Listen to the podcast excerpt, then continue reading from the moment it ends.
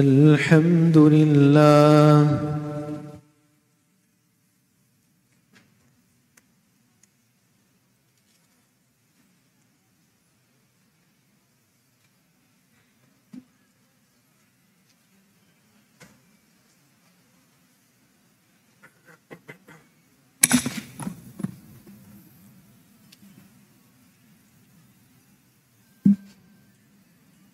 الله أكبر.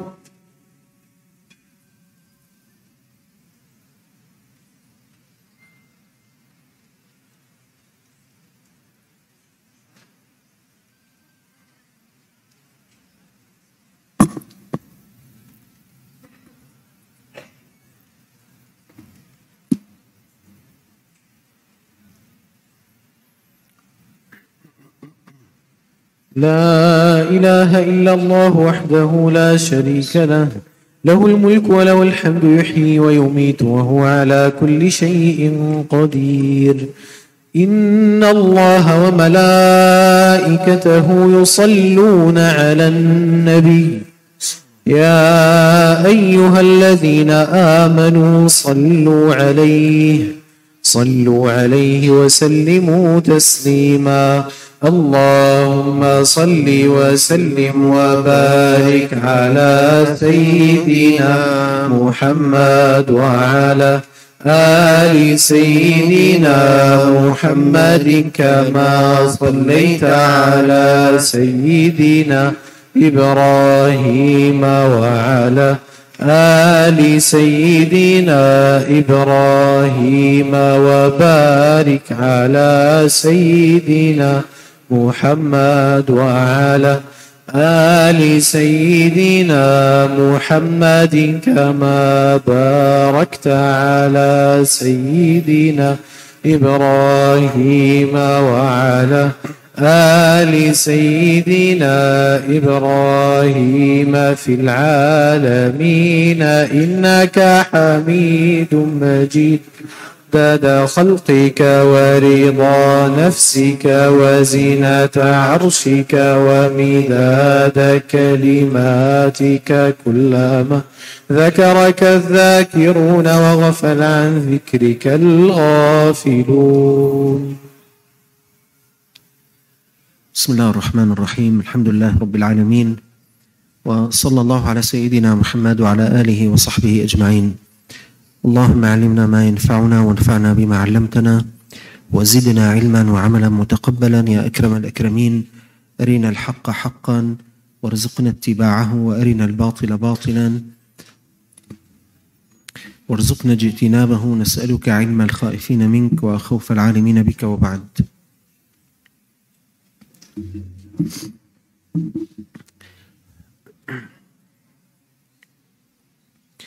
أحمد بن عاصم الأنطاكي. نحن نقرأ في سير أولياء هذه الأمة والهدف من القراءة أن يعلق قلبك بواحد منهم فتعمل عمله فتلحق برتبته. يكنى أبا علي ويقال أبا عبد الله. كان من متقدمي مشايخ الثغور. هذا مصطلح لعله بالنسبة لعدد يعني كبير منا هو مصطلح جديد. كان من متقدمي مشايخ الثغور. من هؤلاء؟ المتقدمين يعني من الأوائل. من هؤلاء مشايخ الثغور؟ نحن بنعرف مشايخ المنابر وبنعرف مشايخ المحاريب وممكن نعرف مشايخ العيادات ممكن نعرف مشايخ المعامل. ممكن يعني الشيخ عامل في معمل. ونعرف مشايخ التجار ممكن يكون الشيخ تاجر ممكن يكون طبيب ممكن يكون إمام ممكن يكون خطيب. من هؤلاء مشايخ الثغور؟ أنتم تعلمون بأن البلاد الإسلامية بلاد كان كل بلد له أسوار تحميه. وفي هذه الأسوار في أماكن فيها ثغور ثغرات من الممكن أن يمر منها الأعداء في غفلة من أهل هذه البلدة. فكان هناك أناس يسمون المرابطون. يجلسون في حماية هذه الثغور.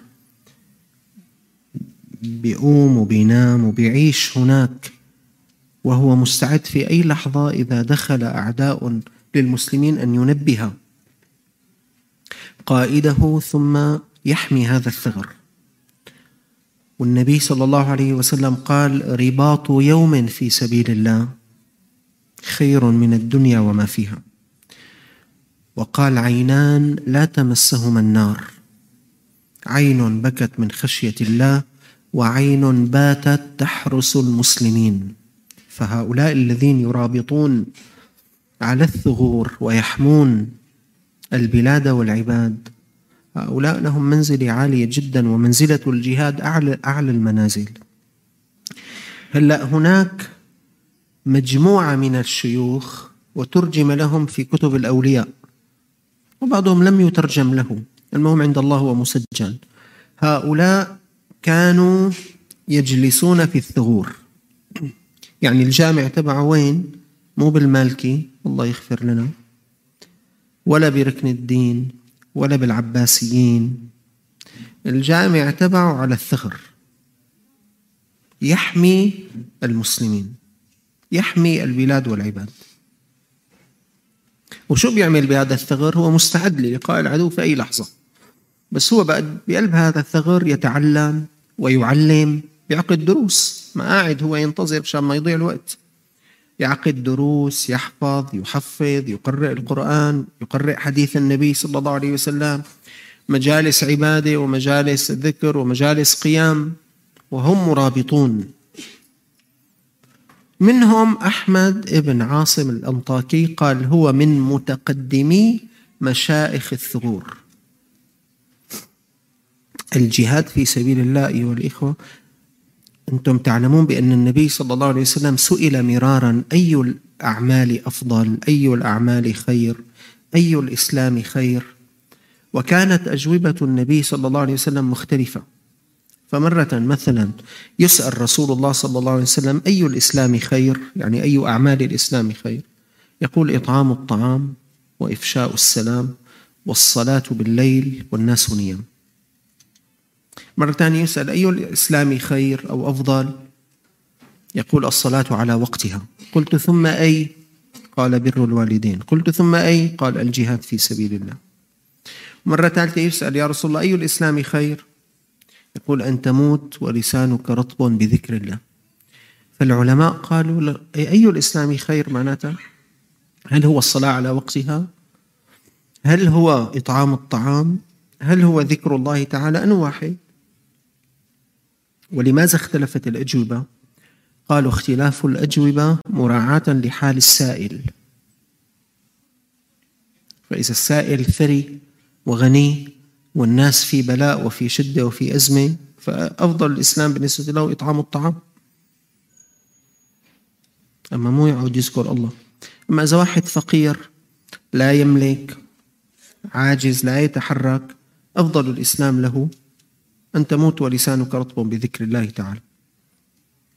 فالعلماء قالوا لماذا اختلف الجواب؟ قال لاختلاف حال السائل. فسألوا سؤال ثاني. طيب ما هو أي الإسلام خير على الإطلاق؟ قالوا الجهاد في سبيل الله لأن المجاهد في سبيل الله بذل روحه وماله ونفسه بذلها كلها في سبيل الله تعالى. فأحمد بن عاصم الأنطاكي يكنى أبا علي ويقال أبا عبد الله من متقدمي مشائخ الثغور. كان يقال له جاسوس القلوب كمان هي شو يعني؟ شغلة جديدة شو يعني جاسوس القلوب؟ يعني الله عز وجل أعطاه كشفا أحيانا يجلس معه جليس فيقرأ ما في قلبه فيحدثه بما في قلبه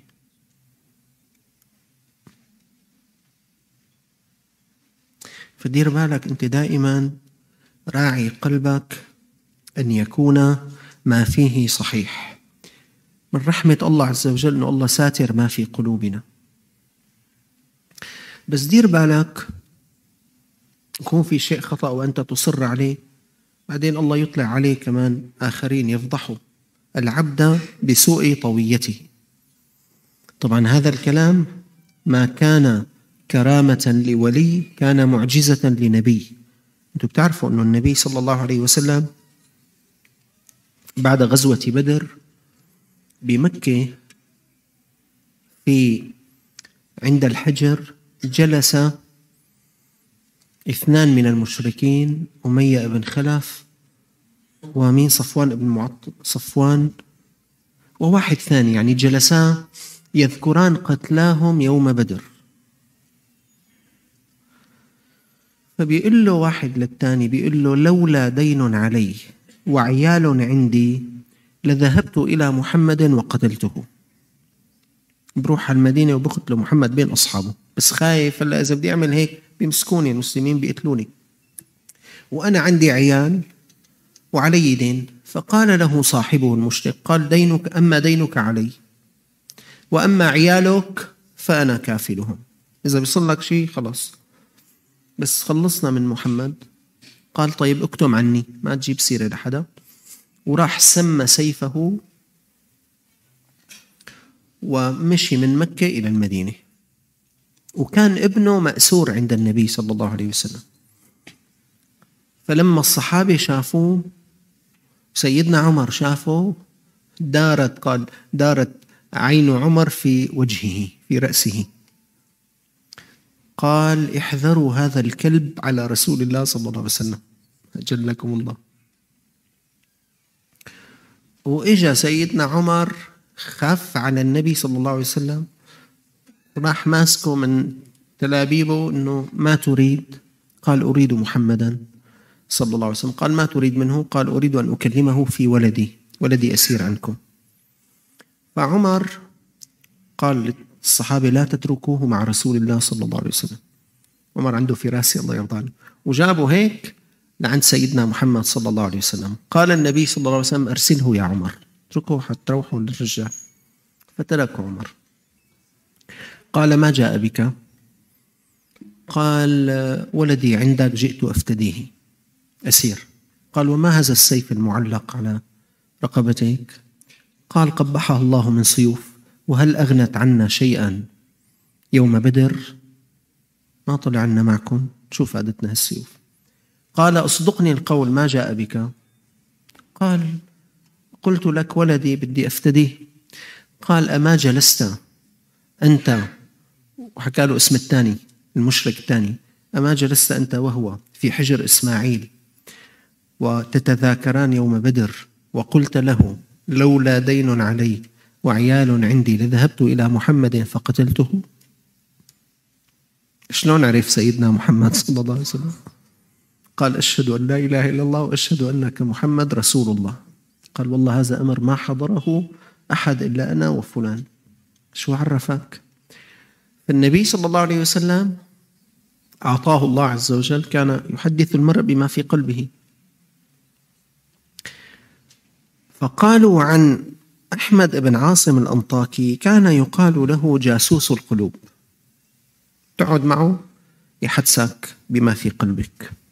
اللي قاعد يا لطيف. مين قال له؟ دخل رجل إلى سيدنا عثمان بن عفان وكان خارج المجلس قد نظر إلى الحرم. فلما دخل عند سيدنا عثمان سيدنا عثمان قال يدخل علي أحدكم. وأثر الزنا بين عينيه. يا لطيف. جمد هذا الشاب قال أوحي بعد رسول الله؟ شو مين شو جاءك؟ جبريل قال لك؟ قال لا لكنها فراسة فراسة المؤمن. على كل الله عز وجل يعطي أناسا أحيانا ويعطيك أنت كمان. مثل هذه الكرامات مهما يكن من أمر أنت أحسن كرامة لك أن تستقيم على شرع الله تعالى. قال كان يقال له جاسوس القلوب. طبعا هذا مو من عنده يعني الشيخ ما بيجيب شيء من عنده ما في حدا بيجيب شيء من عنده. الله يعطيه والله يمنعه. طبعا والشيوخ العلماء هم متأدبون بآداب الشريعة. ذكروا عن سيدنا عثمان عن سيدنا أبي حنيفة الإمام صاحب المذهب رضي الله تعالى عنه بأنه دخل مرة إلى المواضع والناس تتوضأ قال فكان يرى الذنوب تنزل من أيدي الناس أو من وجوههم. مو النبي صلى الله عليه وسلم قال إذا توضأ العبد فغسل وجهه سقطت أو تساقطت ذنوبه مع الماء أو مع آخر قطر الماء فإذا غسل يده سقط الذنوب كل ذنب اجترحته يده. مع الماء أو مع آخر قطر الماء. هيك قال النبي صلى الله عليه وسلم؟ فسيدنا عثمان آه، سيدنا أبو حنيفة دخل إلى الموضأ شاف الناس عم تنزل هيك من إيده شاف الذنوب اللي عم تنزل. فسأل الله أن يحجبها عنه شيء بيخوف هذا يعني مو واحد يفرح. دخيلك يا رب ما بدي أشوف شيئا. لأنه بيكون هو جالس مع الناس يحبهم ويحبونه. وهيك مرت... سليم الصدر هلا إذا بده يطلع فلان كذاب وفلان سرق وفلان طلع على الحرام بصير قلبه يمتلئ بالضغائن على العباد. شو بدي بهي الشغلة؟ يا رب دخيلك أحجبها عني لا أريد أن أرى شيئا. فالعلماء العاملون يتأدبون بآداب الشريعة مع الكرامات التي يعطيهم الله إياها. يعني إذا حدث جليسه بما في قلبه بيقوم جليسه بيقول له مثلا ما شاء الله بتعرف أنا شو عم فكر؟ فهلأ هذا العالم إذا كان عالما ينسب الأمر لصاحبه يقول أنا لا أعلم شيئا بس الله هو الذي يعني أنطقني بهذا الكلام وأصلا أنا لا أعلم يعني ما يجول في صدرك بس الله أنطقني بما أنت محتاج إليه. وهذا يا إخوان مرات أنتم بتحضروا في درس بتحضروا في خطبة وإذ بهذا الشيخ هذا الخطيب هذا المدرس بيحكي لك شيء لابسك لبس. حتى بيحكي قصة يعني كأنه قصتك هي بس هو ما عم يحكي قصتك. بس هي هيك بتحس إنه لإلي هذا الكلام. هذا لأن الله يريد بك فضلا. يريد بك رحمة. بيلهم هذا المتكلم يتكلم شغلة لابستك لبس. من أجل أن يرسل الله تعالى لك رسالة من حيث يعني لا يزعجك. ما عليك إلا أن تأتمر بأمر الله وتنتهي عن نهي الله تعالى. أحمد بن عاصم الأنطاكي يكنى أبا علي ويقال أبا عبد الله من متقدمي مشائخ الثغور. كان يقال له جاسوس القلوب. يقول أحمد بن عاصم الأنطاكي إذا صارت المعاملة إلى القلب استراحت الجوارح. إذا صارت المعاملة إلى القلب استراحت الجوارح.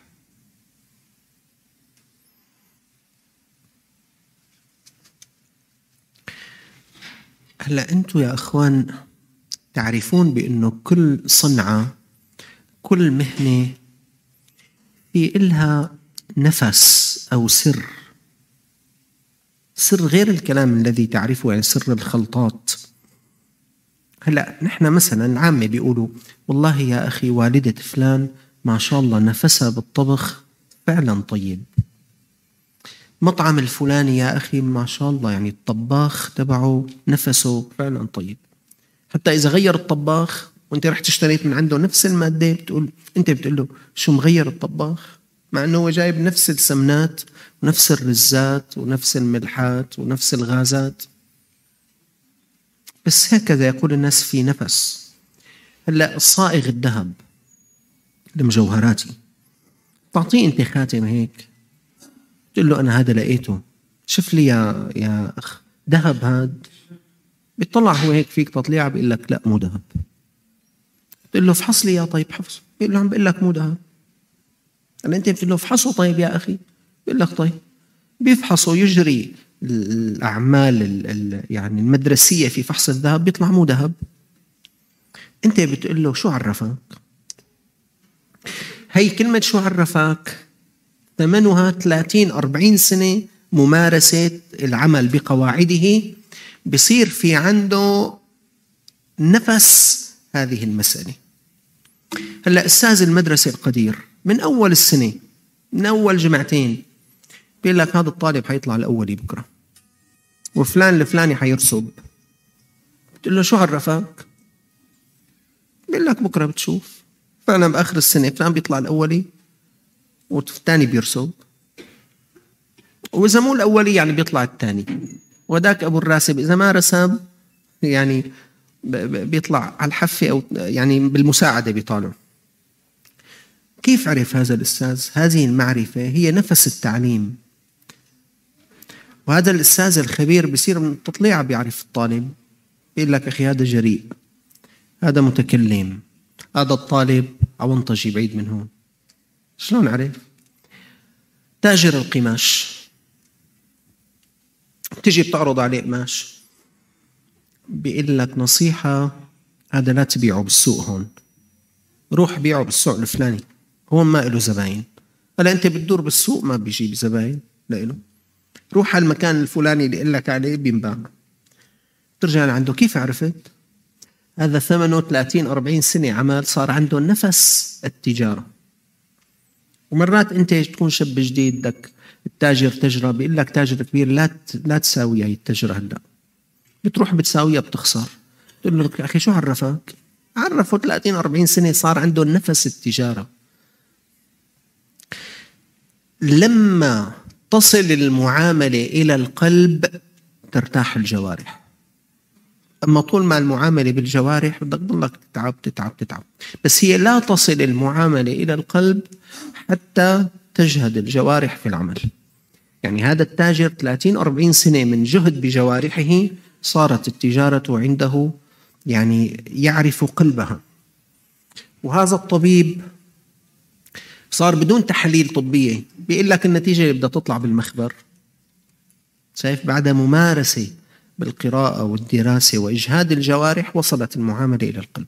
بس بس تصل المعاملة إلى القلب بتصير الدقيقة تبع الساعة تبع الخبير قد 100 ساعة تبع إنسان عادي. هلا واحد محاسب واحد مدير مالي. الساعة تبع المدير المالي قد 40 50 ساعة تبع المحاسب. عندما تصل المعاملة إلى القلب ترتاح الجوارح. فكان يقول إذا صارت المعاملة إلى القلب استراحت الجوارح. لذلك أنتم يا إخوان مهما عملتم عملا راقبوا قلوبكم فيه أن يكون خالصا لله. صلاتك تكون خالصة لله. صدقتك خالصة لله. صومك خالص لله. هذا العمل الذي يخرج من القلب لو كان بدون جهد كبير للجوارح أحسن من جهد كبير للجوارح والقلب معطل. أنتوا بتعرفوا كيف بيساووا الحليب لبن؟ تعرفوا شلون بيساووا الحليب لبن؟ الحليب بيسخنوه بعدين بيخلوه ليفتر وبيحطوا لسطل الحليب قديش بيحطوا معلقة واحدة لبن. بس لبن مو مغشوش لبن خالص. هالمعلقة بتساوي السطل كلياته لبن. إذا كان العمل خالص المعلقة الواحدة بتكفي بتصحح لك ملايين الملايين. بس إذا مغشوش مو خالص الله يستر ما يفرطوا الحليبات ونكبهم بعدين أو ما نستفيد منه. فلذلك يا إخوان يا شباب يا بنات اجتهدوا أنه أعمالكم تكون نابعة من قلوبكم. اجتهدوا أن يكون الإخلاص محطه في القلب. ومشان تصير مخلص بدك تكثر من ذكر الله. أنا يا إخواننا ما أذكر مرة جالست فيها شيخنا الله يرحمه إلا كان يقول في الدرس نفس الجملة. يقول يا بني أكثروا من ذكر الله. يا ابني أكثروا من ذكر الله. يا إخواني أكثروا من ذكر الله. ولا أنا بقول لكم يا إخوان أكثروا من ذكر الله. الشغلة إن الله لا ينظر إلى صوركم ولا إلى أعمالكم ولكن ينظر إلى قلوبكم. رب درهم سبق مئة ألف درهم. عمل قليل مع الإخلاص خير بآلاف آلاف المرات من كثير من دون إخلاص. سأكتفي عند هذا القدر وصلى الله على سيدنا محمد وعلى آله وصحبه وسلم والحمد لله رب العالمين.